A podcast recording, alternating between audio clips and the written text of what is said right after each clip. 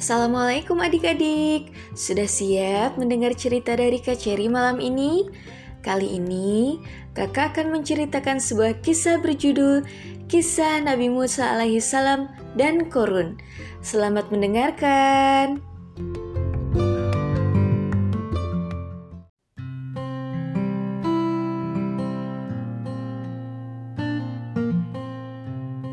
Kisah Nabi Musa alaihi salam dan Korun pada zaman dahulu, di masa kenabian Nabi Musa alaihissalam saat memimpin Bani Israel, ada seorang pengikutnya yang sangat taat beribadah bernama Korun. Setiap harinya, ia beribadah dan tidak mementingkan kehidupan duniawi. Meski disegani sebagai ulama karena ketaatan akan ibadahnya, Korun yang tak mementingkan dunia membuat kehidupan keluarganya pun jauh dari kata layak. Sang istri yang bernama Ilza pun sering mengeluhkan ingin kehidupan yang lebih layak. Singkat cerita, suatu hari datang dua orang lelaki utusan Raja Golan memberinya hadiah berupa uang emas yang sangat banyak. Korun menolaknya dan berdalih bahwa ia tak mengenal Raja Golan dan tak membutuhkan bantuan. Utusan Raja Golan kemudian berhasil membujuk istri Korun untuk menerima hadiah tersebut. Betapa marahnya Korun. Namun, ia tak tega melihat sang istri begitu bahagia. Akhirnya, ia juga menerima hadiah yang diutus kedua lelaki tadi.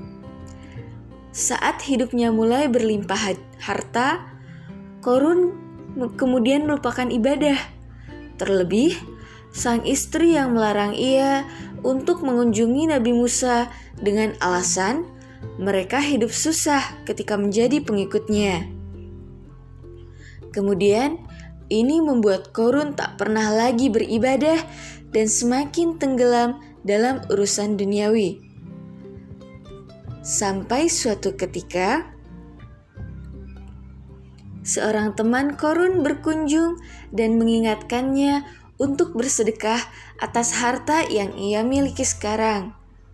Dengan terpaksa, Korun mendatangi Nabi Musa untuk bertanya seberapa banyak zakat yang harus ia keluarkan. Ternyata jumlah yang harus dibayarnya begitu besar.